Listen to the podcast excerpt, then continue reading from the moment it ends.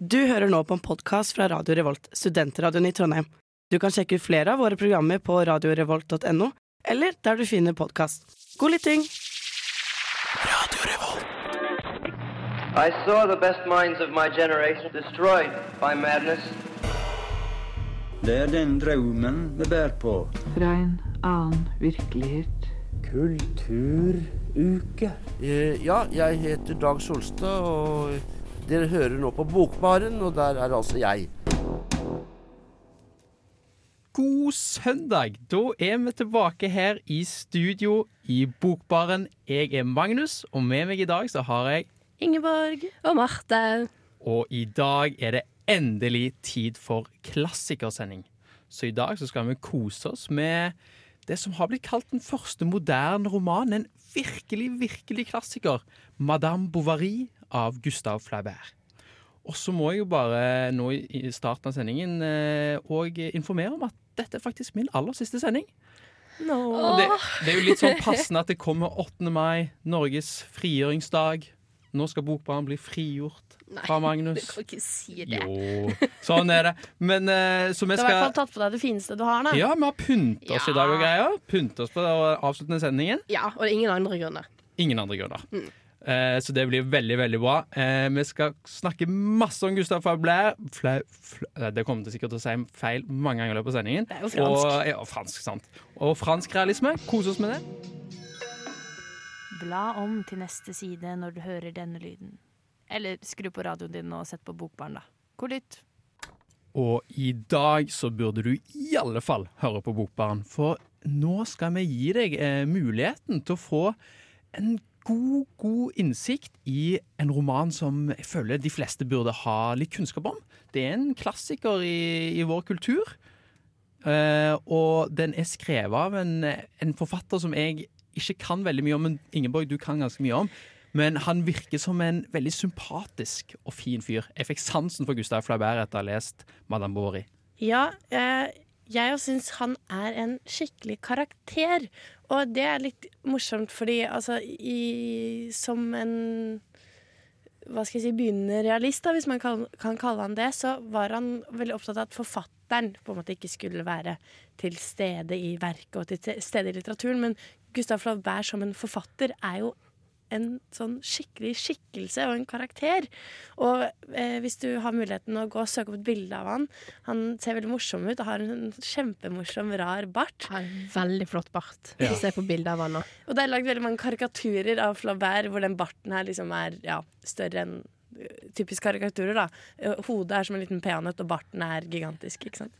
Um, Og jeg føler den barten den, eh, den passer så godt til han. Jeg, det er liksom hele det, Alt jeg har lest om han virker som han bare er en sånn en rolig, bedagelig type som ser litt sånn underfundig på verden og har en eller annen litt sånn kjapp kommentar på lur. Og, Ja, samtidig som han liksom er en sånn Han er jo på en måte ikke kjedelig heller. Fordi han har jo levd et ganske sånn strabasiøst liv, kan man si. Ganske uh, utsvevende karakter. Jeg ser for meg at han har sittet på mye absintkafeer rundt om i Frankrike og kost seg. ja. Han har vært en venn av eh, salonglivet, kan man kanskje si da. Ja. Men Flaubert han eh, er født i 1821 i Rouen, som er en by som opptrer også i Madame Bovary i stor grad. Og Rouen er på dette her tidspunktet en av de større byene i Frankrike. Um, og han blir faktisk i Rouen ganske lenge. Altså, man drar jo ut mye tidligere for å studere enn det man gjør i dag, men han blir i Rouen til fram til 1940 fordi han tar eh, legestudier der, da. Og det er ikke tilfeldig at Flaubert studerer medisin, for faren hans er lege og er også gift med en datter av en lege, så han kommer fra en sånn her veldig legefamilie, hvis man kan kalle det det. Og det her er jo også et element som figurerer i Madame Bovary. Ja. Så kanskje har eh, Flaubert skrevet inn erfaringer fra sitt eget liv i boka, da, på den måten. Absolutt. Så han er fra borgerskapet. Ja, Ja. absolutt. Faren er, eh, har en høy standing på sykehuset i Roa, og er veldig sånn Han hjelper masse andre leger til å utdanne seg, og det er ganske sikkert, det vet jeg jo ikke, men jeg er ganske sikker på at de hadde på en måte tjenere og sånne ting i huset. Mm. Um, men i 1940 da flytter han til Paris, begynner å studere juss. Det går ikke kjempebra. Han stryker på juridikum, og det sies at eh, den her stryken på eksamen da, er det han bruker til å endelig få faren til å forstå at det er forfatter han skal bli. Det er der hans kall ligger. Og faren etter historien da aksepterer det her, sikkert med litt mer om og men enn det som kommer fram gjennom brev og sånn, men, Men jeg må jo skyte inn som far. da. Han studerte først medisin, og så skal han studere jus. Det er ganske høye krav som de stilte til Flaubert som ung mann. her. Ja, absolutt. Og, men jeg hørte på en podkast hvor de hadde en teori om at grunnen da, til han For det første, det koster penger å utdanne seg til de tingene her, og så bare legger han det fra seg og blir forfatter. Og grunnen til at han på en måte fikk lov til det, å få en slags egen personlighet, var at han var det midterste barnet. For han hadde en eldre bror, og på en måte s- Eldstesønnen hadde vel fulgt i farens fotfor å blitt lege. Så hvis han ikke hadde hatt en bror som på en måte tok litt av ansvaret for han, så kan det hende at faren på en måte ikke hadde akseptert veivalget. da. Flauberg var litt sånn dritten i midten som bare fikk gjøre sine egne Ja. greier. Ja. Han fikk bare fla leve flamboyant eh, liv. Nei, nei. Ja. Det er sikkert noen etymologiske sammenhenger der, men um, Ja. Etter han er ferdig utdanna jus... uh, jur, nesten ferdig utdanna juridikum og blir forfatter, så begynner han å reise rundt. Og han reiser til eksotiske land på den tida fra Frankrike. Han drar til Afrika. eh, han drar til Tyrkia.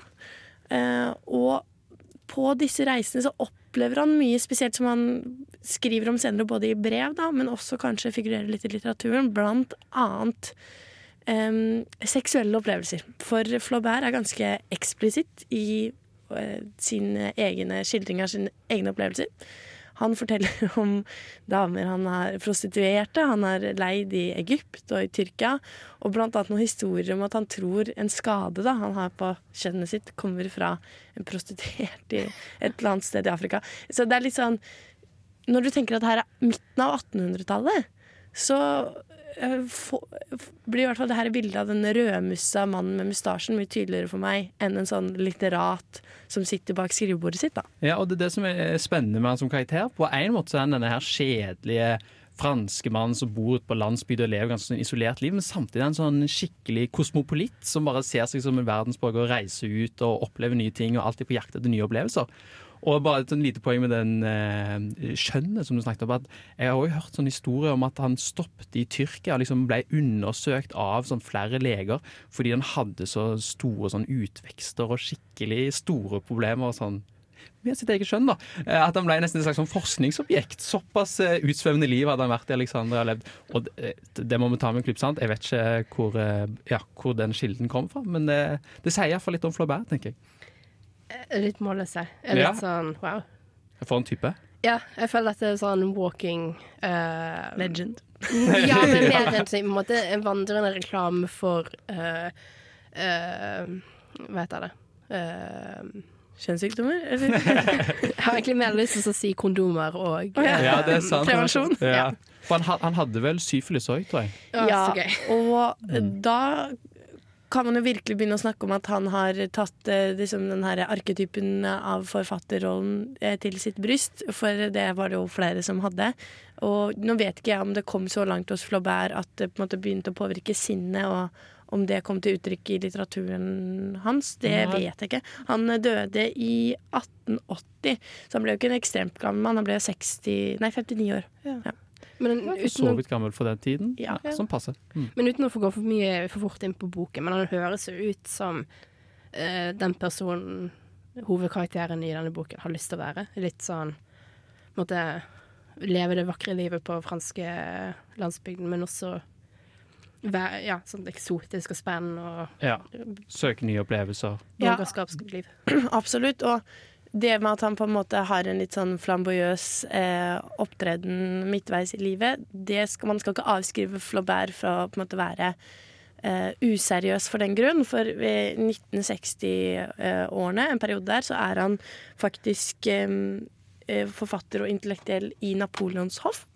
Ja. Og Og Sorry, jeg må bare Ja. du, Både i stad og nå så sa du 1960, men vi er på 18 herregud, 1860, ja, vi- vi er på beklager. beklager. 1800-tallet. Ja, Ja. 1800-tallet. Mm. Um, og der omgås han liksom noen av virkelig de store navnene i litteraturhistorien som måte skal forme ideen om hva litteratur er, og hva det skal representere. da.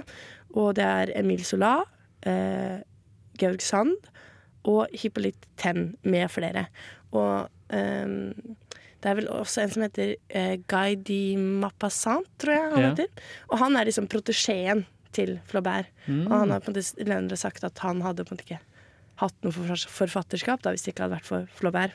Og som Magnus sa, så er han kanskje på en måte den, en av de her første eh, realistene på en måte i Frankrike på den tida. Det skrev det vi tenker på den som kanskje en av de tidlige eh, realistiske romanene. da. Ja, Iallfall som grav, det graver ned liksom, psyken til mennesket på en annen måte enn som hadde blitt gjort tidligere. da. Ja. Ja. Eh, og han utgir sin første roman, 'Madame Bovary', i 1857. Det er den mest kjente romanen. Og jeg har allerede vært litt inne på kjærlighetslivet, men han eh, er som sagt en skikkelig Casanova, men har et seriøst kjærlighetsforhold i sitt liv. Um, I en åtteårsperiode så eh, har han forhold til poeten eh, Hva er det hun heter? da? Louis Collet, tror jeg. Ja. Men det er masse mer å si om Flaubert, og vi skal sikkert snakke masse om han i, utover i sendingen, i og med at han er til stede i hele verket sitt. Jepp, dette er Frode Grøtten. Eh, Lytt på Bokbaren på Radio Revolt. Ta deg en eh, god Ja, og her i Bokbaren så klarte jeg å si feil låt i stad. Så den første låten vi hørte var Bandgrunder av Kristoffer eh, Nord Unstad. Og så hørte vi Rejuvenate av Tuva Band etter det. Og her i dag så snakker vi om Madame Bovary av Gustav Flaubert. Og nå har vi gitt et lite sånn intro til hvem Gustav Flaubert var. Fascinerende type. Og han har jo skrevet en mildt sagt like fascinerende bok. Eh, og vi kommer til å snakke litt om hva denne boken handler om gjennom hele sendingen, men jeg tenkte vi bare skulle gi et sånn kjapp intro til hva boken handler om. Har du lyst til å prøve, Ingeborg? Oi. Du er, eh, du er litt sånn synopsis-eksperten i Ja, ja, jeg Bokbaren, har for du er fått- veldig flink på det. Jeg har fått den rollen. Mm. Um, ja, OK. Um, Madame Bovary, det er på en måte en roman om ingenting og veldig mye. Ja. Um, og uh, litt i tråd med ting vi har lest før, sånn uh, Virginia Woolf-style, uh, så skjer det ikke, kanskje ikke så mye ytre ting. eh, det gjør jo for så vidt det òg, da. Men det er veldig mye inni hodet til karakterene her, og på en måte hva de føler og tenker. Og vi følger um, Charles og Emma Bovary i mesteparten av boken, et ektepar. Emma er en bondedatter som gifter seg da med Charles, og lever et veldig rolig landsbyliv eh, som en legefrue til en middels landsbydoktor. Og dette forholdet går ikke som Emma har planlagt. Hun har store drømmer og håp om hva kjærligheten skal være, og de blir ikke innfridd. Og mesteparten av boka foregår i den her lille landsbyen, da, hvor hun egentlig sitter og sutrer over livet. Ja. Og begynner da å gjøre litt utagerende ting for å få det her til å endre seg. Hun har flere affærer. eh, Får veldig ekstravagant eh, klesstil, kjøper dyre varer til hjemmet, matvarer. Og det har jo en tragisk slutt. Jeg vet ikke om jeg skal si det. Jeg må nesten gjøre det. Jo, men må Um, bare spoile ja. meg. Det er Um, fra 1800-tallet. Må være lov. ja. Det ender med at eh, Emma tar sitt eget liv um, fordi hun er så ulykkelig over situasjonen hun står i. Etterlater seg en datter som egentlig ingen har brydd seg om gjennom hele boka. Og uh, Charles dør rett og slett av kjærlighetssorg over å ha mista kona si. Jeg syns det er veldig gøy, for du gir jo et- en synopsis av boken, og du nevner så vidt på en måte, dette barnet som blir Med god født. grunn, da. Og det, og det beskriver jo veldig rollen den datteren har. Ja. Og som det kom fram av ditt synopsis, Ingeborg, dette er jo en tragedie. Det er liksom eh, den store, store tragedien. Et mesterverk av en tragedie det er blitt kalt, og det er det jo virkelig. For det er jo bare jævelskap og, og sørgelige skjebner og mye dritt. Men det er så mye humor og varme beskrivelser og ja, stemninger inni alt denne tragedien òg. Eh, og så bare tenkte jeg en liten ting som også kan være verdt å nevne, er jo at eh, grunnen det som utløser at eh, Emma tar sitt eget liv, er jo at det er òg mye økonomiske problemer knytta til, til deres skjebne, fordi de er veldig glad i å bruke penger. Ja. Emma er i hvert fall veldig glad i å bruke penger.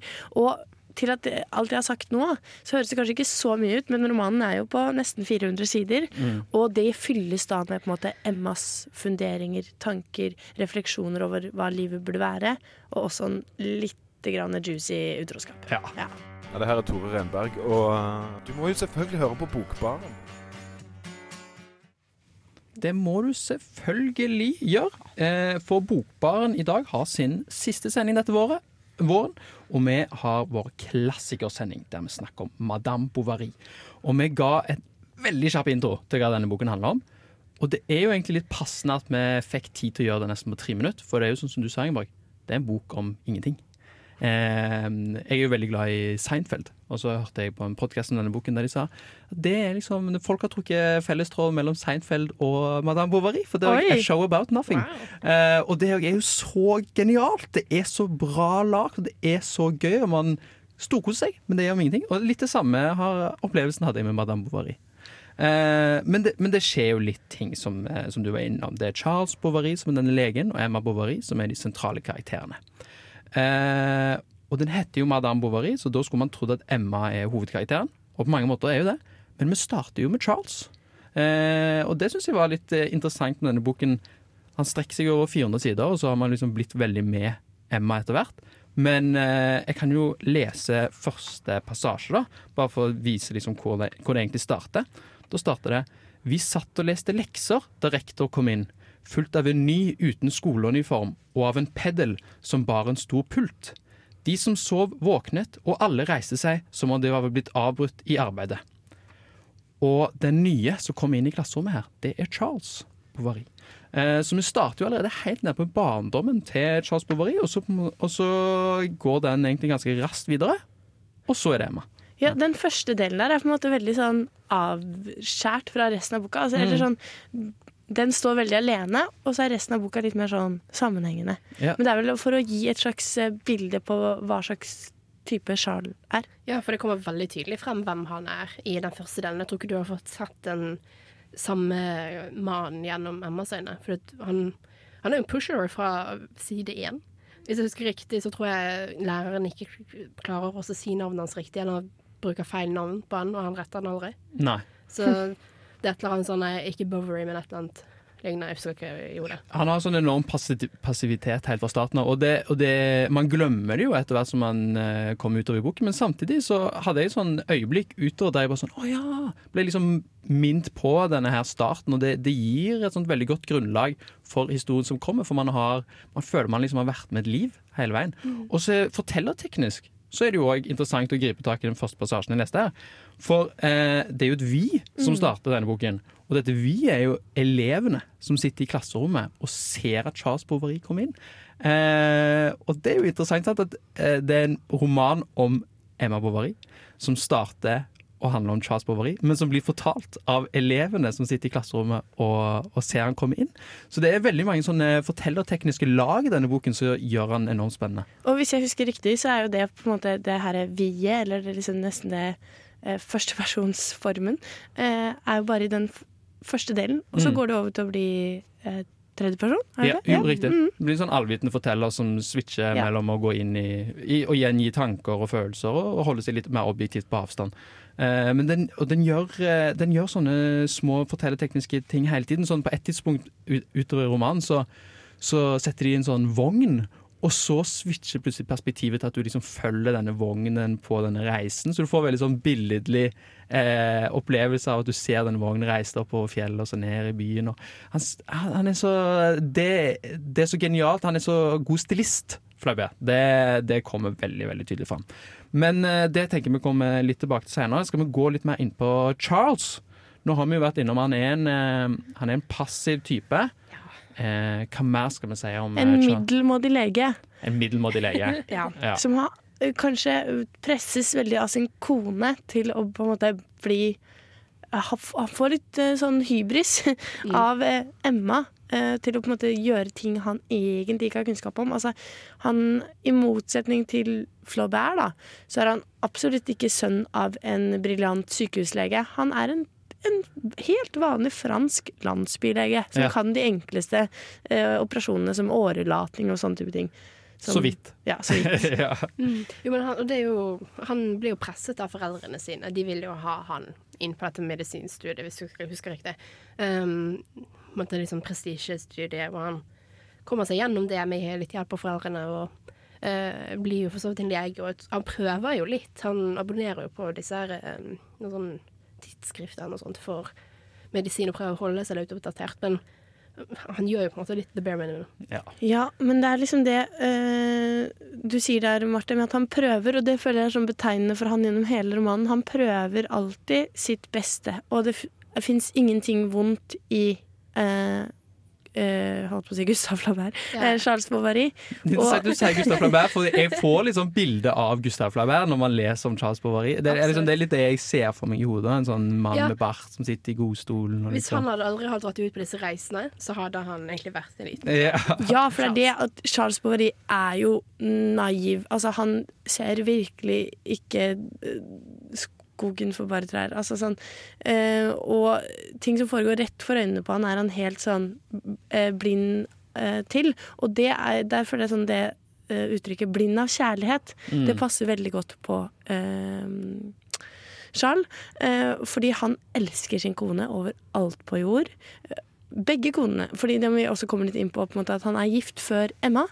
Em, men hun elsker jo ikke han tilbake. Men denne blindheten overfor henne lar, gjør at han aksepterer veldig mye greier som han egentlig ikke burde akseptert. Da. Mm. Ble ikke han, hun første konen pushet litt på henne av moren? Jo, for det, det er akkurat som du, som du sier der. Eh, det kommer veldig tydelig fram i løpet av de to første kapitlene, for den første konen forsvinner veldig raskt ut av den fortellingen. Ja, hun dør. Men, ja, hun dør. Kan vi se. Eh, men den, det den historien gjør, er å etablere denne passiviteten hos Charles. Han, det blir beskrevet på et tidspunkt Jeg er ikke- er usikker på om han bare ser på disse hestene, eller om, om det faktisk blir eksplisitt sagt at det er en sammenligning. Men Charles er iallfall rundt noen sånne hester som bare går i sirkel uten å tenke seg om. Sant? De blir bare liksom styrt rundt på denne gården uten å tenke en tanke på hva de gjør. Og det er et bilde på Charles. Ja, og det er litt morsomt sånn etymologisk sett. Fordi vi fant ut før sending her at bovary betyr ku. Og de, Ja. i likhet med hester så går jo de bare i flokk og følger hverandre. Ja. Og er veldig sånn bedagelige, forutsigbare dyr. Ja, sant? Og det er det Charles gjør. Han eh, blir, denne, blir lege, og moren pusher han til å gifte seg med den første konen, som heter Heloise. Og hun er egentlig litt sånn som Charles sin mor. Hun kontrollerer Charles, har liksom masse hun, sk- eh, hun har lyst til at han skal gjøre. Og egentlig ganske jævlig. Uh, fremstår det som uh, Han trives ikke veldig godt i det forholdet, iallfall. Han har det ganske fælt. Ja. Og så blir han da sendt til gården som Emma vokser opp på, fordi faren hennes har skada seg. Og der blir han da stormende forelska i Emma. Og så finner Hel Heloise, eh, hun, den første konen, ut av dette og blir så, ja, blir så fra seg. Både av dette og at hun har blitt frastjålet noen penger osv., så, videre, så hun dør og forsvinner ut av historien. Men da er det jo rom for at Charles kan gå inn og være med Emma. Men eh, så, så i løpet av de første kapitlene så blir det veldig tydelig hvem Charles er. Han er en middelmådig lege. Har det fint i livet. Han søker liksom bare en sånn trygg og god favn, egentlig. Og at noen skal ta vare på han. Det er det Charles vil. Og det finner han hos Emma. Eh, men det varer jo ikke nødvendigvis så lenge. Og det oppstår en bitterhet, veldig sterk bitterhet, men det skal vi komme tilbake til etter hvert. Hei, hei. Eh, Dette er Vigdis Hjort. Jeg liker navnet på denne radiokanalen, Radio Revolt. Hør på magasinet Bokbarn. Det å sitte på bar og lese bok, det er ikke det verste. Ja, velkommen tilbake til Bokbaren. Um, nå har vi gitt dere et eh, litt sånn intro til um, Charles Bovary, og nå skal vi gå inn i Madame Bovary, eller Emma Bovary, som hun heter. Hvem denne karakteren er. Hun er jo en eh, fascinerende kvinneskikkelse. Irriterende. Eh, ganske usympatisk til tider, men man får litt sympati for henne. Hun er så mangt, hun er så mangt. Hvilket inntrykk får dere av eh, Emma Marte Ingeborg? Oi. Eh, det er veldig skiftende, for jeg føler at forholdet leseren får til Emma, er litt sånn berg-og-dal-bane. For kanskje det man sitter igjen med til slutt, er en sånn I hvert fall nå er det to år siden jeg leste boka på mm, basis i litteraturvitenskap, men forholdet jeg sitter igjen med nå, eh, er liksom åh, hun Jeg er Du er lei av henne. Jeg er lei av henne, Ja, fordi hun er en ganske krevende karakter gjennom boka. Hun er irrasjonell. Uh, hun oppfører seg uh, rett og slett bare litt sånn idiotisk noen ganger. Men jeg husker når jeg leste at det er jo enkelte ganger man har sympati, fordi hun er jo veldig ulykkelig.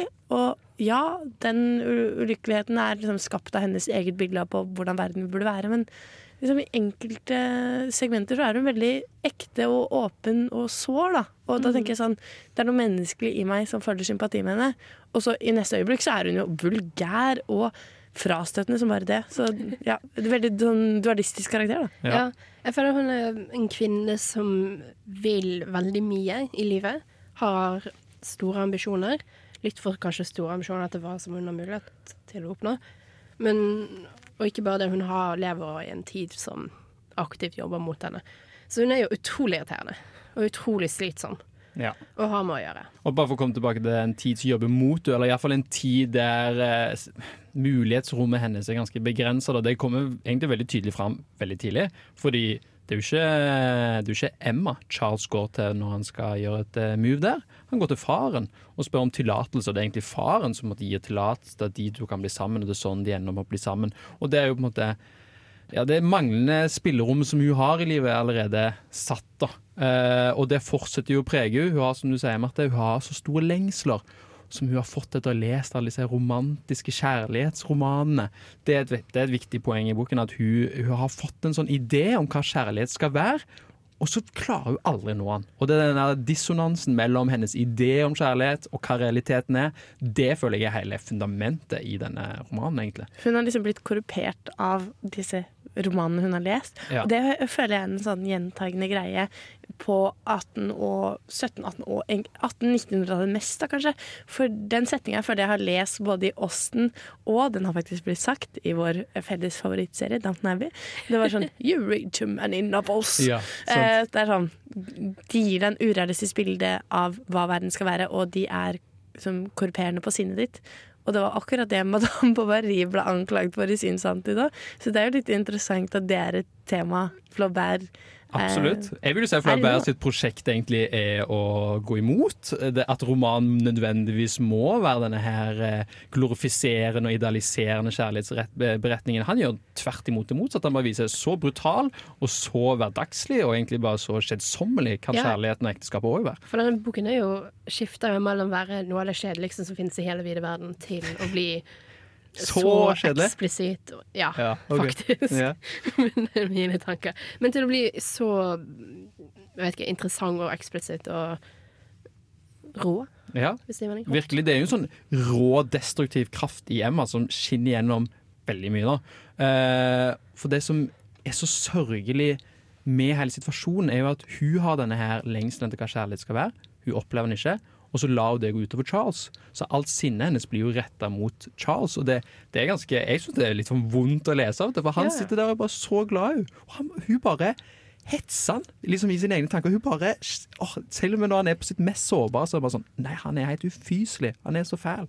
Ja. Samtidig så er det sånn der hvor Flaubert kommer inn og viser på en måte at han er liksom en så øh, fantastisk forfatter, og liksom Du får også medfølelse med henne i de eh, øyeblikkene hvor hun er forferdelig mot mannen sin, fordi at han ikke deler hennes drømmer. At hun måte Hennes lengsel går også på at han skal bare han kunne vært litt mer interessert. bare han kunne vært De er på en måte ikke kompatible. Og som du sier, Emma har jo ikke selv valgt den situasjonen. Og derfor kan man på en måte få medfølelse for henne i de øyeblikkene hvor man også Jo, hater henne som mest. Jeg, jeg, jeg er med på den. jeg er med på den altså, Det er som du sier, det er skiftende. Noen ganger får man sympati, så andre ganger så er du bare helt motbydelig. Da. Sånn, jeg, det er en scene her der Charles nettopp, nettopp har mista faren sin. Og så umiddelbart så får hun plutselig en slags sånn, ny sympati for Charles, men så går hun videre og sier hun Um, Da duken ble tatt av, reiste ikke Bovary seg, ikke Emma heller, og jo mer hun så på ham, desto mer skjedsommelig synes hun scenen ble, og etter hvert forsvant enhver medlidenhet hos henne. Hun synes han var ynkelig, svak, intetsigende, kort sagt en stakkarslig mann på alle måter. Hvordan skulle hun bli kvitt ham? Hvilken endeløs kveld. Noe bedøvende som opiumsrøk drev innover henne og sløvet henne. Så liksom, det, hun bare sitter der og er så rasende på han rett etter han har mista sin egen far. Det viser liksom den der kyniske og kalde veggen som er vokst opp i henne. Uh, og det er jo, man får jo sympati for, for de har denne kulden i seg òg. Ja, og vi har jo snakka litt om det i forkant av eh, sendinga her, om man skal jo på en måte grave litt og passe det til en form for å få det til å bli en sånn slags feministisk innskikkelse, Men jeg tror jo på en måte at det er en slags kritikk av hvordan, som Marte var inne på, hvordan hun er fanget i sin tid. Fordi det er jo nettopp det her at Emma ikke har valgt dette livet selv, og at hun på en måte er litt sånn stuck with it, som gjør at man får sympati for henne. Pluss at hun gjør utover i romanene, jo mer inntrengende denne kjedsomheten blir, jo mer utagerende blir Emma, og hun gjør ting som en kvinne vanligvis ikke kan gjøre. Ja. Hun, vet, jeg, vi er ikke helt sikre på, på en måte, eiendomsrett og lov og sånn i Frankrike, men hvis vi ser til Norge på ish samme tid, da, men Nora tok hjem, så har jo ikke kvinner lov til å låne penger. Og det er jo noe Emma gjør masse av. Og hun bruker over evne. Hun røyker, som var på en måte ikke vanlig for en kvinne på den tida i Frankrike. Og hun har disse extramarital affairs. Altså Ja. hun er utro. Og det var jo altså, sånn det var jo på en måte ikke greit for en mann heller, men det var uhørt for en kvinne. Det var utenkelig. Og det er kanskje derfor Charles ikke tenker at det er en mulighet også. Når Emma sier «Ja, men jeg skal ut med han igjen, jeg skal ut med han igjen, så er han bare sånn å, så flott. Fordi det er utenkelig at en kvinne skal ha en affære. Og Så sånn du... sett er jo Emma en veldig sånn sterk, flott karakter. Mm. Og nesten litt sånn en slags feministisk karakter. Men så er det også ting som på en måte virker mot det da, i Flåbærs Ja. skissering av henne. Og det er jo det som er så irriterende, for du har så lyst til å måte, sympatisere med henne. Og på en måte heie henne fram som en kvinne som gjør alt det som måte, kvinnen egentlig ikke skal gjøre. Men så blir hun fanget i sin egen hybris. Og ah, det er så irriterende, men da er sånn Ja, kan man føle, føle meg igjen det der? Ja, ja Ja. på en måte. Men en av de tingene som er litt sånn antifeministisk med henne, er jo at man mister veldig sympati med Emma fordi hun forlater sitt barn. Ja. Og det er sånn Det er jo en litt eh, altså sånn, Selvfølgelig, det er jo veldig hardt, men samtidig så er det at en kvinne ikke kan forlate sitt barn, en veldig sånn gammeldags eh, tanke, da, som er litt antifeministisk. Hvorfor er det ikke like jævlig at Charles ikke bryr seg om det barnet? Men han bryr seg jo om barnet på et helt annet nivå enn hun gjør. På et annet nivå, men samtidig så er det sånn Det er litt sånn skomaker blir ved din lest, da, akkurat det her med kvinner og barn. Mm. Eh, som på en måte Ja, det er jo det Ibsen gjør et opprør Ja. mot i Dukkehjem òg, Ja, jeg skulle til å si det. Det er jo en liten nod to Nora, som også forlater sine barn Ja. for å finne seg selv. Men hun ja, forlater barnet sitt på en helt annen måte. Ja, det er ikke bare det at du forlater barnet, men hun Sånn sett er hun òg en feministisk karakter, for hun neglisjerer jo barn hele tiden. Hun har egentlig ingen interesse av barnet, virker det som, bortsett fra i sånne små blaff. da. Men gjennom hele romanen så er hun ganske uinteressert i den rollen. Ja, det kommer vel egentlig fram at hun er litt skuffa i det hele tatt over at det ble en jente. Fordi eh, hun skulle ønske det var en gutt fordi han kunne levd ut større drømmer enn det hun hadde hatt muligheten til. Ja. Ja. Og så, og så er det jo Hun er jo, som du sier, feministisk med det at hun, hun virkelig bryter hva normen var for kvinner, og liksom tar et steg ut av skjøtsomheten og går til disse affærene. Og jeg tenker etter hvert nå at vi må gå inn på hvem disse her eh, ekte elskerne hennes er. Hun gjentar dette ordet hele tiden. Elskere. Hun er veldig opptatt av det å være elskere.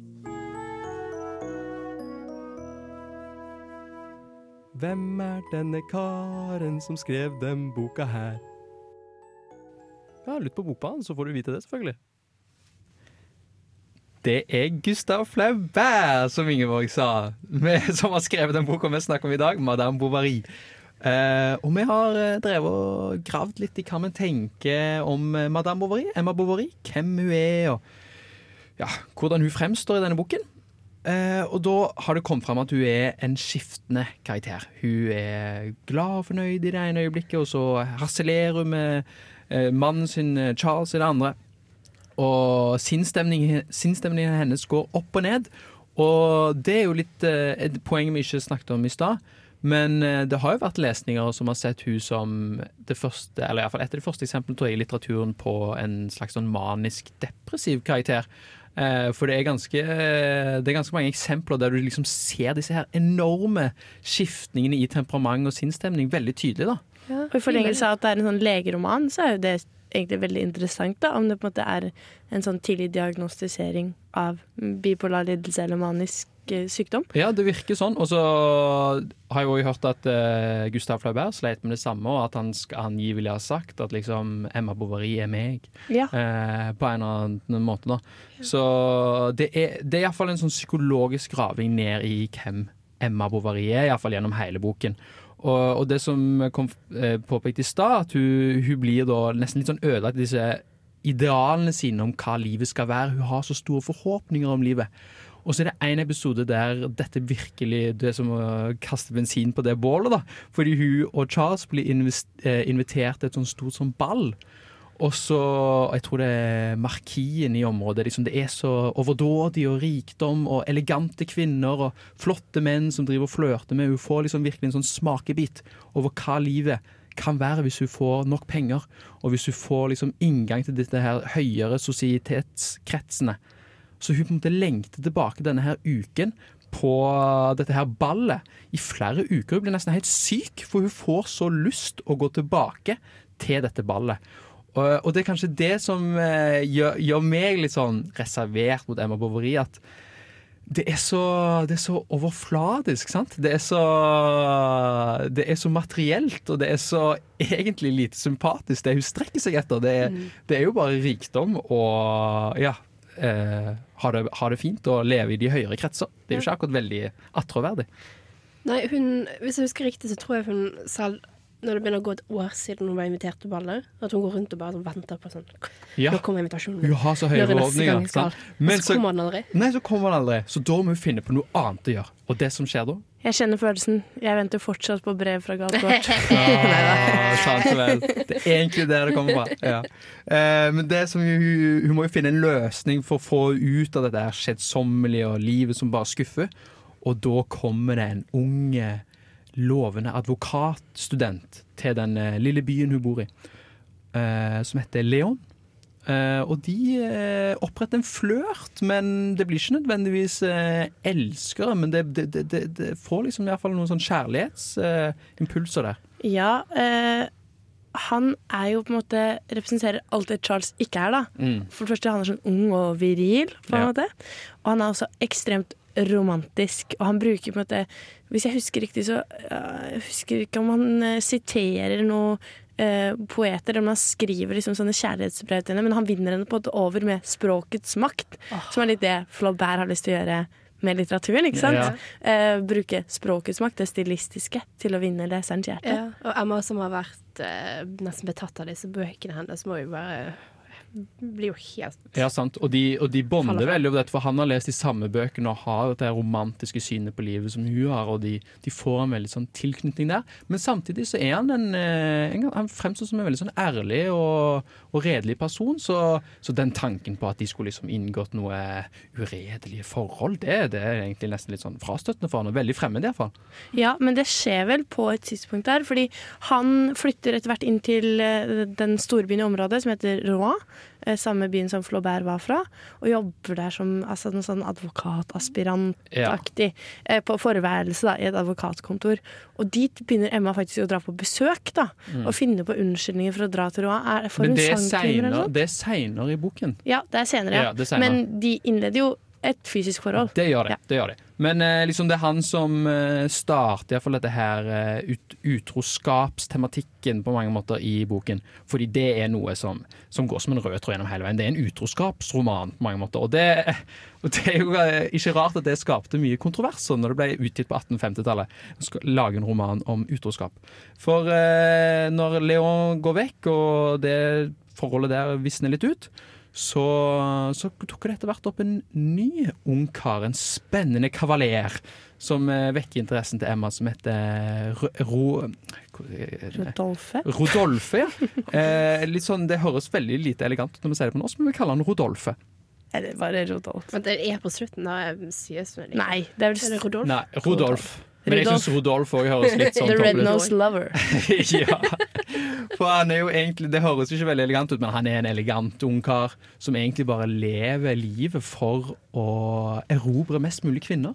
Og leve litt sånn utsvevende og ja, hedonistisk livsstil. Han bare liksom skal ta inn over seg alle alle kvinner han kan, da. Og Emma blir totalt betatt av han. Og han er jo også ganske velstående, som er en stor del av hvorfor jeg tror Emma blir betatt av han. For når hun drar og besøker han i huset hans, da eh, Det er et vakkert hus. Hun, jeg husker hun tenker over liksom, ridestøvlene hans og de vakre klærne som liksom henger i gangen der. Så det er liksom helheten av livet hans, ikke nødvendigvis bare eh, Rodolfe, nei da, eh, som tiltrekker Emma. Nei, det er helt sant. Han er, han er sant? Hun lengter til dette her luksuriøse overklasselivet, og han er en slags inngang til det, da, ut fra den her middelmådigheten som hun omgir seg av med Charles. Og på en måte så kan jeg, man jo tenke at uh, Rodolf er den som egentlig forstår Emma best. For han er veldig klar over hennes lyster og lengsler, Mm. som Charles ikke er. Og uh, Leo er jo veldig sånn ærlig og oppriktig og vil på en måte ikke gjøre for altså, Han er kanskje den som er mest lik Emma, fordi han har litt de samme driftene. Han ønsker seg mer, og han vil ta det han vil ha, han vil ha det nå. Ja. Så sånn sett så er de egentlig litt sånn like karakterer. Absolutt, og Hvis vi skal komme tilbake til det feministiske potensialet i romanen, så kommer jo det fram faktisk når du sier den speilingen av deres forhold, for de er egentlig ganske like. De vil ha det samme i livet. Men R- Rodolf har mulighet til å gjøre det, mens Emma ikke. sant? Han kan bare gå fra elsker til elsker. Jeg heter Anne B. Ragde og er forfatter. Og når man er forfatter, så hører man selvsagt på Bokbarn så ofte man har anledning. Selvfølgelig hører man på Bokbaren, iallfall når det er siste sending, og vi snakker om noe så juicy som eh, Emma Bovary sine affærer. Og da spesielt med Rodolfe. Denne her eh, elegante franske ungkaren som Han er jo usmakelig. Han er jo så kynisk og fæl, egentlig, i denne boken. Ja, for det er det. Han vet akkurat hva han skal si og Ja, ja. ikke si til Emma for å få henne på glid og få henne tilbake og få henne blid igjen. Og, ja. Ja, og han bare Det er sånne passasjer der Fra liksom det ene avsnittet til det neste, så har han bare sånn Nja, nei, nå begynner jeg å egentlig bli litt sånn lei av henne. Ja, men nå var hun jo veldig vakker og flott igjen.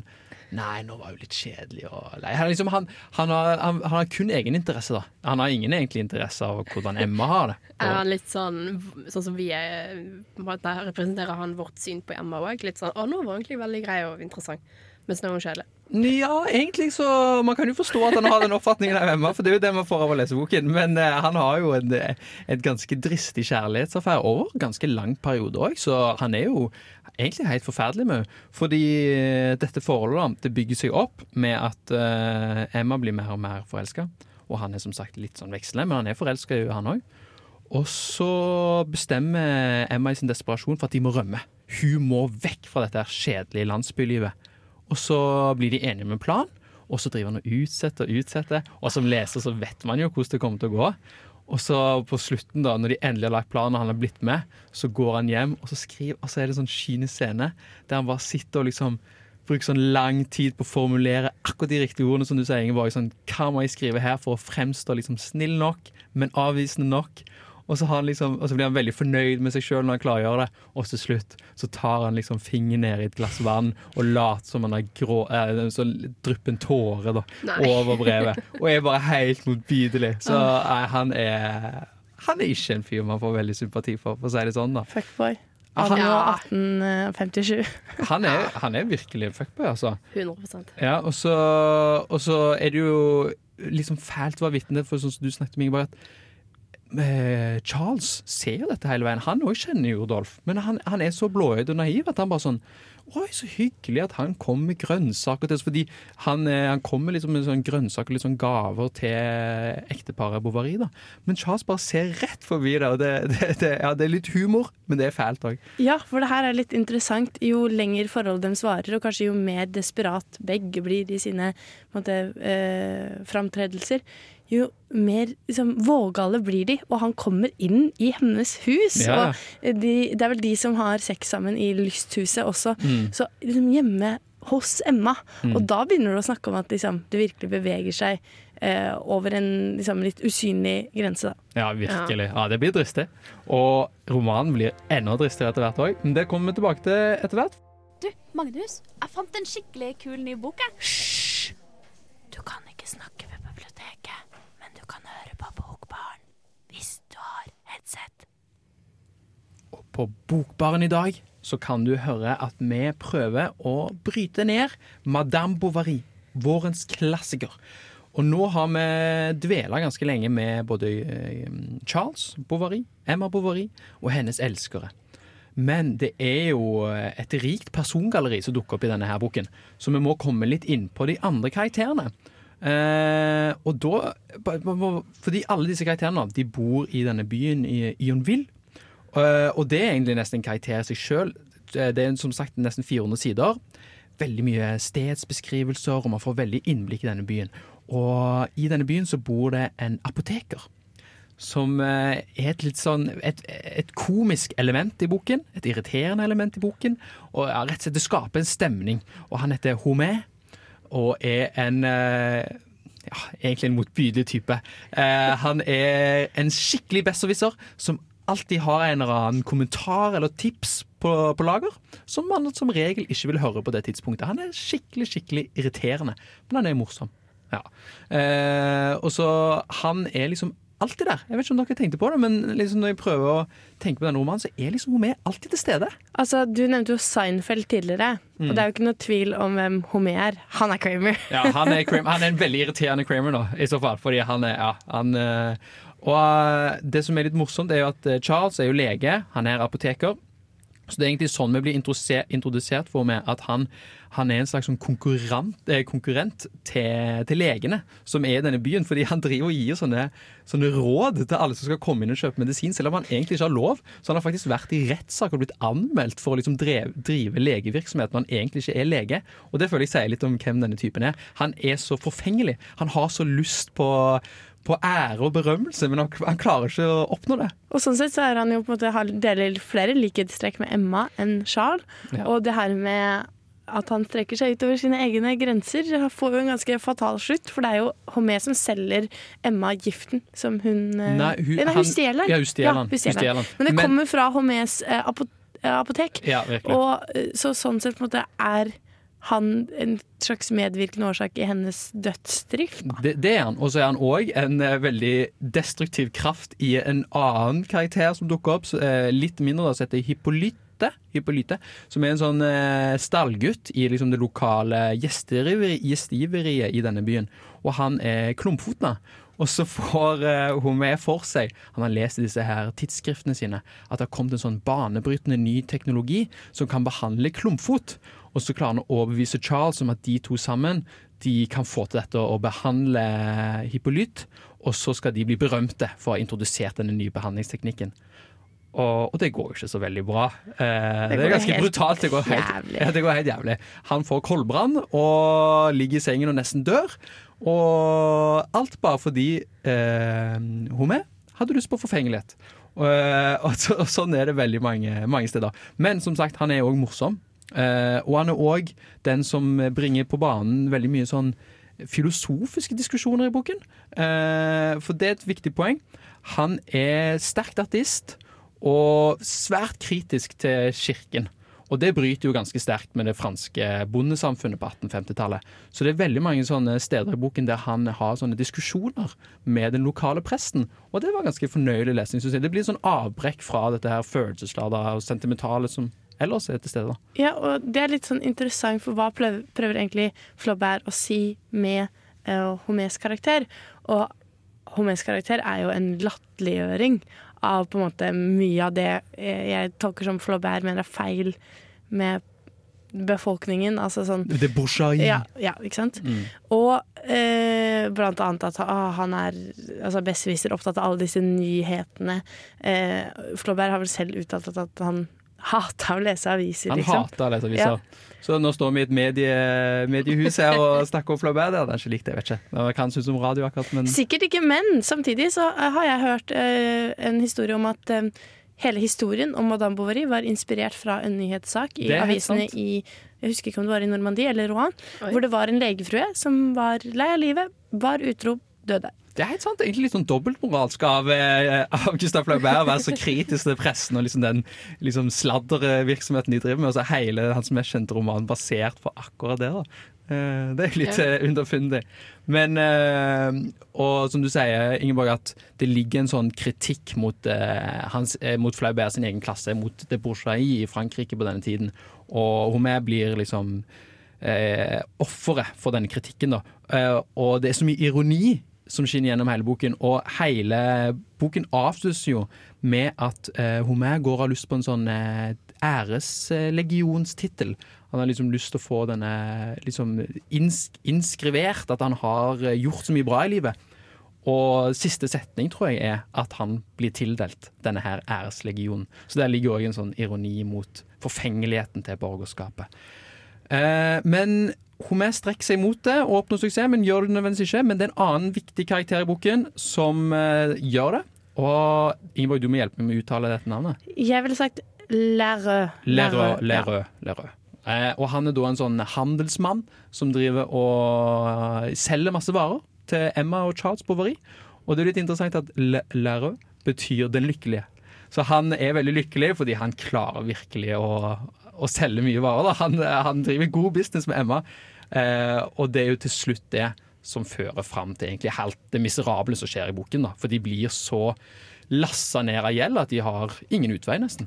Nei, og han representerer også en sånn der kynisme Mm. drevet av på en måte kapitalistiske motiv, da. Ja. Eh, For han er veldig klar over han ser på en måte Vi ser Emma ofte gjennom hans øyne, føler jeg. Eller sånn, det er jo en tredjepersonsfortelling, men sånn delvis gjennom hans øyne. Og han ser på en måte forfall og ser at hun blir mer og mer desperat.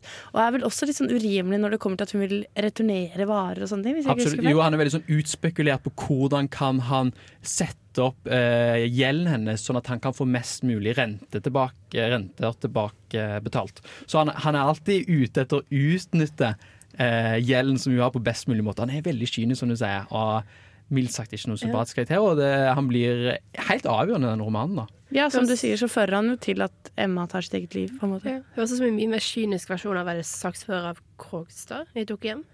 Han tillater Ja. jo på en måte å se mellom fingrene på den gjelden som Nora har. Eh, eller som de pengene hun har lånt. Men, da, Men han men han prøver vel å eh, få et slags forhold med Eller gjør sakfører Krogstad det? Ja, at han liksom prøver å At han, han, kan, avskrive gjelden hvis hun går inn med et forhold? Nei, Nei. eh, Nei, men jeg tror han- hvis han ikke får en stilling i banken. Altså, Ja, han bruker sånn det for det. å få sin på en måte, posisjon høyere, da. Ja, Men det gjør jo han eh, Le... le Hjelp meg, Ingeborg. Eh, Lerøe? Lerøe Ja. her. Han, jeg tror han prøver, bare for å få fram hvor kynisk han han prøver liksom å overbevise Emma om at ja, men kanskje vi kan få til at liksom, du gir meg noen tjenester tilbake igjen, da. Og så er denne gjelden iallfall litt mindre. Han er villig til å strekke seg ganske langt. Han har ikke så mange moralske hemninger. Eh, og som vi kom inn på, han er den som gjør at Emma til slutt går inn i eh, huset til Homé og stikker hånda ned i krukken av arsenikk og stapper det i kjeften sin. Og det er jo en brutal slutt på denne fortellingen. Fordi eh, i alle disse romanene som Emma har lest om, så er jo selvmordet en sånn idealisert handling. Man dør en sånn flott og egentlig ganske sånn fin død, men arsenikkdøden er helt jævlig. Man bare sitter egentlig og liksom tørker inn og bare spyr opp masse greier og dør en sånn sakte og jævlig død over flere dager. Så det er skikkelig sånn, det å bryte Flaubert med den tradisjonen av hva selvmordet i romanen er. da. Ja, I motsetning til på en måte f.eks. Unge verter, kanskje, som romantiserte litt selvmord. Det var i hvert fall sånn det ble tolka av leserne, i og med at det var flere tusen selvmord som kopierte hvordan han tok sitt selvmord. Så mm, kanskje det ja, er en slags Det er jo en kritikk Ja, mot denne her romantiseringen. Ja. Men han er jo romantisk sjøl på mange måter.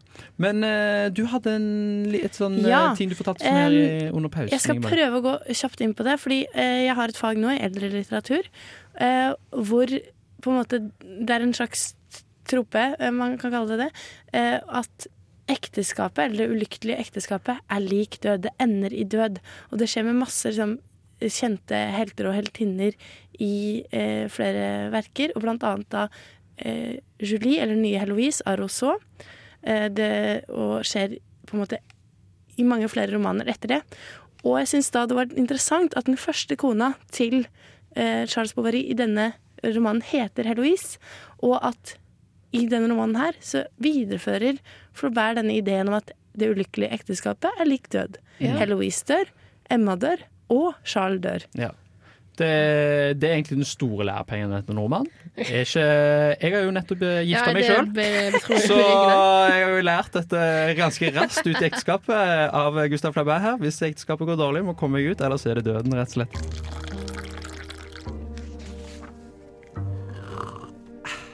Du lytter til Bokbarn. Og i Bokbarn i dag så snakker vi om Madame Bovary. Og så langt har vi snakket veldig mye om boken, men ikke så mye om hva vi syns om boken. Det har kanskje skint litt gjennom mens vi har snakka, men eh, jeg har jo veldig lyst til å høre da, Martin Ingeborg.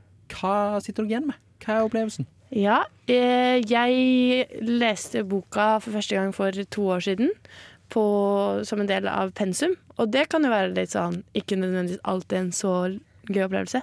Men jeg likte boka veldig godt når jeg leste den. Og eh, samtidig som jeg hadde også en sånn frustrasjon når jeg leste. Fordi det er en ganske krevende bok med det at vi har vært inne på at det skjer ingenting. Eh, og samtidig så skjer det masse. Men det her med Flaubert som en stilist skinner på en måte veldig gjennom i litt sånn lange, kanskje omstendelige passasjer. Så hvis det ikke settes pris på det språklige der og da, eller hvis du har dårlig tid når du leser boka, så blir det ikke nødvendigvis en god le- leseropplevelse. Så for meg så er det noe som har sunket inn eh, i tida etter jeg var ferdig med å lese boka, og forstå og sette pris på faktisk hvor vakkert det er skildra, da, og på en måte hvis du ser det i en litt større litteraturhistorisk kontekst, hva han faktisk gjorde med den boka her, for det er noe helt annet enn det som har vært tidligere. da. Han skaper på en måte noe nytt. Mm. Og sånn sett syns jeg det var en veldig flott bok som jeg vil anbefale. Ja, virkelig. Sånn som du sier, at man, man må settes pris på språk og beskrivelser for å virkelig verdsette denne boken. Uh, Marte, hva tenker du? Er du eh, enig med det Ingeborg sier? Uh, ja, men nei. Jeg likte den ikke. Nei? Eller Det er veldig bastant å si. Men Jo, men det er veldig bra. det er, sånn som dere, ja, det er jo sånn som dere sier, at det er en bok som du er nødt til å klare å sette pris på pacingen og um, skildringene og på en måte konteksten rundt det. Og min opplevelse av boken etter å ha stått her og pratet med dere, er mye bedre enn hva jeg hadde da jeg gikk inn. Som er på en måte Det er jo et kvalitetstegn. Ja, det er en bok som man må sette seg litt ned med og uh, prøve å tolke litt for å kunne sette pris på. Og det er kanskje en bok som gjør seg best i en type sånn bokklubb som vi har. Mm. Um, men det gikk altfor tregt for min del. Ja, det kan jeg forstå, fordi det er det er nesten til tider litt sånn tullete hvor nøyaktig han går inn og beskriver ting. Og det er sånn, når du sier For oss som studerer litteratur, Ingeborg, så det er òg et interessant grep som var nytt med Flaubert, var at eh, det tok den realistiske romanen virkelig inn i romantradisjonen. og liksom beskrev ting som ikke nødvendigvis hadde noe poeng i boken. Det var bare beskrivelser for å bygge opp et univers, for at det skulle virke mest mulig realistisk. Og når du gjør det, så er det jo uendelig mengder med ting som kan bli beskrevet. Det ser vi annet med Knausgård i dag. Liksom, du, kan, du, kan bare, du kan jo beskrive en dør over 14 sider hvis du vil, og liksom Flaubert klarer å gjøre det med en sånn språklig rikdom som jeg ble av og til helt nesten liksom målløs av. da. Og jeg føler, jeg, jeg vil bare lese um, et eksempel. som jeg, Jeg kunne tatt så mange eksempler fra boken, eh, men her er et der de befinner seg inne i en kirke. Eh, kirkeskipet speilte seg i fulle viemannskar. Man kunne se begynnelsen av spissbuene og deler av glassmaleriene. Men gjenskinnet av dem, som ble avbrutt av marmorkanten, fortsatte på hellene i gulvet, som et brokete teppe. Dagslyset trengte inn i kirken i tre enorme stråler, gjennom tre åpne portaler. Fra tid til annen passerte en kirketjener foran alteret i bakgrunnen, med den skrå knebøyningen som er typisk for troende med hastverk. Grunnen til at jeg valgte den uh, lille passasjen, er at jeg synes den siste setningen der får fram et viktig poeng i denne boken òg. Den er humoristisk. Den er så levende. Han har liksom et sånn skråblikk på ting som foregår rundt seg, og beskriver det så godt. Jeg syns det var veldig vakkert. Observasjoner jeg har gjort meg mang en gang i Nidarosdomen. Eh, kanskje ikke dette med de bøyde knærne på de troene, men eh, det er jo fantastisk. Jeg husker en annen passasje hvor han beskriver et barometer. Mm. Liksom inngåelig. Og det er som Magnus sier, det har på en måte egentlig ikke noen funksjon utenom å skape den her realismen i boka. Ja. Veldig vakkert òg. Ja, sant? Og det stiller jo enorme krav til forfatteren for at vi skal akseptere at vi selv om du til en viss grad ikke gjorde det. Men for at man skal akseptere det, så må det være så språklig rikt. Og det føler jeg også, det, det er et skattekammer av sammenligninger her. For det er så mye at han skriver 'som', og så sammenligner det med noe. Og så er det bare sånn, Jeg blir helt fascinert over hva han klarer å sammenligne det med, som en mumie i Egypt og en eh, ja, Jeg kommer ikke på hva Flaubert kommer på. Kanskje man kan si at det er en eh, sånn eh, Hva heter det? Homerisk sånn simile? For der bruker man jo liksom som for å sammenligne det med et sånn annet objekt. Ja, og det gjør han til de grader. Og veldig, veldig bra, syns jeg. Eh, så her har vi to mot én nå, Marte. Det går fint. Demokratisk ble du nedstemt. men, Det går helt eh, fint. men men det, det kommer jo gjennom. Alle likte den til en viss grad, i alle fall. Det er en bok som burde leses, det er ikke det jeg sier. Nei. Um, men vit hva du går inn i. Ja, det er helt sant. Ja. Det er en treig bok. Mm, det er et godt poeng. Hei, det er Junidar. Les Ibsen og lytt på Bokbaren. Da var vi ferdig med klassikersending og Bokbaren denne våren. Ja. Nesten. Eh, for eh, jeg vil bare skyte inn der at eh, utover eh, i juni en gang så kommer det til å komme litt innhold fra oss her i Bokbaren for eh, meg og Ingeborg. Vi skal på litteraturfestivalen på Lillehammer. Snakke med masse kule forfattere, være på masse spennende foredrag. Få med oss masse masse interessant litteraturstoff som vi skal gi til dere. Men når det kommer, er jeg litt usikker. Men følg med ut i juni en gang, vil vi si. Ja. Og så siden sommeren kommer, så må jeg jo spørre dere, Marte Ingeborg, har dere et siste lesetips for våren? Hva skal folk lese når de ligger på solsengen i sommer? Marte? Jeg skal bli ferdig med Pride and Prejudice. Jeg har sagt det så lenge. Denne sommeren skal det skje. Kanskje jeg skal lage lydsak om det. Å, det gleder jeg meg det til. Ja. Ingeborg? Eh, jeg eh, skal ikke lese Pride and Prejudice, men jeg vil anbefale alle å lese sommerboka av Tove Jansson. En virkelig sånn vakker beskuelse av bare det å være til stede i sommerferien. Ja. Åh, så fint. Gode lesetips her til slutt her denne søndagen i Bokbaren. Tusen takk for at dere har hørt på oss hele våren, og at dere har lest klassikere med oss. Ha en nydelig søndag. Ha det, Magnus! Ha det. Ha det. Du har lyttet til en podkast fra Radio Revolt, studentradioen i Trondheim. Likte du dette, kan vi også anbefale. Hva skjer egentlig når man sender en arrogant halling med magiske evner, en deprimert paladin som hater mennesker og en monoton halvork på flukt, ut på et eventyr for å redde verden? Faen, du har gode ører, du. Eventyrer med barnefølge. Ja, jeg har jo Jeg sovna jo. Å, gud, ditt ræva! Selvsagt så gikk Rikard på folkehøyskolen. Det høres jo ikke så veldig produktivt ut. Velkommen til andre sesong av D-pop.